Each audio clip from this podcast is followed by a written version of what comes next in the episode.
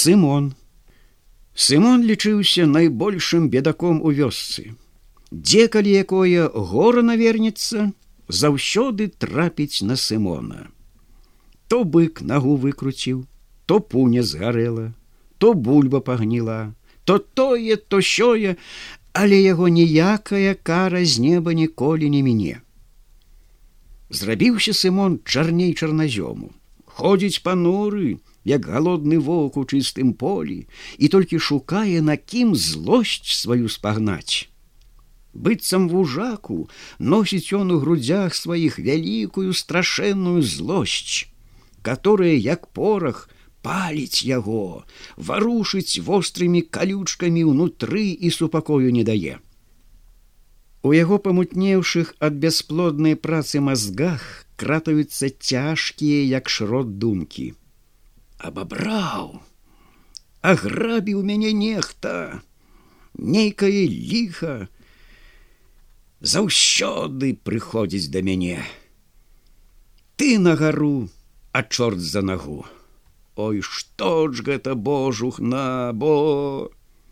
І не канчае ён бо страшэнная злосць душыць горла вочы туманяцца наліваюцца крывёю хто ачмуціў мяне? Хто абкруціў мяне? І азіраецца сымон вакол сябе смутны благі. Азіраецца і бачыць сваю жонку высокую тонкую і худую кабету запаўшымі грудзьмі з бледным падобным да воску тварам у парванай вопратцы. У адной руцэ трымае яна маленькага юзіка который дрыгая голыми синими от холоду ножками и тянется бледными вусначками до пустых грудей мати. Озирается Сымон на жонку свою и диким робится. Во! Во кто виноват! Яна! Гультайка! Заўсёды толькі з дзецьмі займаецца, і ён спаганяе сваю злосць б'е жонку. Б'е ён сваю жонку штодзень знаходзячы нейкую прыдзірку яму быццам лягчэй робіцца. Сымоніха не бароніцца не крычыць. Яна сама падстаўляе яму плечы і толькі часам ціха слабым хворым голасам кажа сымонка что ты робіш это ж грех. Что ж з мяне выб'еш і маўчыць толькі мацней заціскае бледныя вусны вочы робяцца вялікія вялікія смутныя смутныя яна гэтак ужо прывыкла што ніколі не плача і ціха нясе сваю жыццёвую пакуту А мой сапраўды я виновата, думае яна часамі. Можа, я не дагледзела, Можа, я мала рупілася, калі кароўка наша кармітелька здохла. Мой сапраўды, я виновата. Думае сымоніха і падстаўляе плечы, Няхай б'е, Па гэтым жыць буду і лупцуе яе сымон часта шчыра. Часто густа сымон п'е але ніколі не п'янее. Гарэлка не мае сілы над ім. Толькі робіцца яшчэ смутней яшчэ страшней. Пальцы скручваюцца ў кулакі чорныя грамадныя. Хто мяне грабіць хто мозг касцей маіх ваймае і быццам раз'юшаны бугай шпарка бяжыць біць сваю жонку і б'е. А кабета маўчыць зацята маўчыць. Быццам сапраўды вінавата. Толькі сохне сымоніха як той завяўшы каласок як тая растаптаная кветка на мяжы сохне, кашляе, слабее.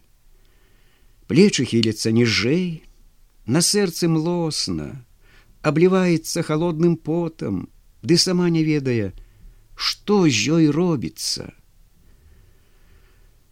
Што з цябе будзе? Пачынаюць суседзі ёй гаварыць. Ты ж без пары ў дамавіну ляжаш. На каго ж ты дзяцей сваіх сіротак пакінеш? Хто іх гадаваць даглядаць будзе? Яны маленькія пагінуць без цябе. Глядзі, ён жа цябе біццём сваім у сухоты ўвагнаў. Чаму ж ты на яго воласць не пажаліся? А Сымоніха маўчыць. А калі суседкі лішне ёй дапякаць пачнуць, то яна ім у адказ кажа, што не чужы, а свой мужик б'е. А калі Бог судзіў, то яна жыць будзе і годзе. Тым часам Сымон не ўнімаўся, біў штодзень. Кабета сохла ўсё болей і болей. Сілы ападалі, загулялася, ды на работу ў поле выйсці не магла апанела, злегла ў ложак. Сымонка, Сымонка, золаца маё, казала яна ў непрытомнасці перад смерцю. Чаму мяне не б'еш? Мо лепей бы гаспадарка пайшла. І аграмадныя, як пацеркі слёзы, заблішчэлі на яе вачах і гэтак аддала Богу сваю вінаватую душу. Ой, аграбілі мяне! Заплакаў, загаласіў ашалелы Сымон, зазлаваўся, сціснуў кулакі свае, азірнуўся дзіка вакол. Але не было ўжо каго біць. Пры нябожчыцы матцы сваёй, папуджаныя, мізэрныя, оборваныя, стаялі сіроткі і дрыжалі моўчкі, бо плакаць баяліся, каб татка не біў. Пахавалі сымоніху, якія там хаўтуры ўладзіў сымон, то ўладзіў, але ў хатцы зрабілася смутна і пуста без гаспадыні, Паглядзеў Сымон на дзетак сіротак, і сэрца яго мо першы раз у жыцці зашчаміў жаль, вялікі жаль. Боже мой, Боже ж мой! За што ж гэта я жонку сваю у магілу вагнаў? І нешта ножом урэзалася ў яго грудзі і нехта балюча таргануў яго сэрцам. Вільня 1913 год.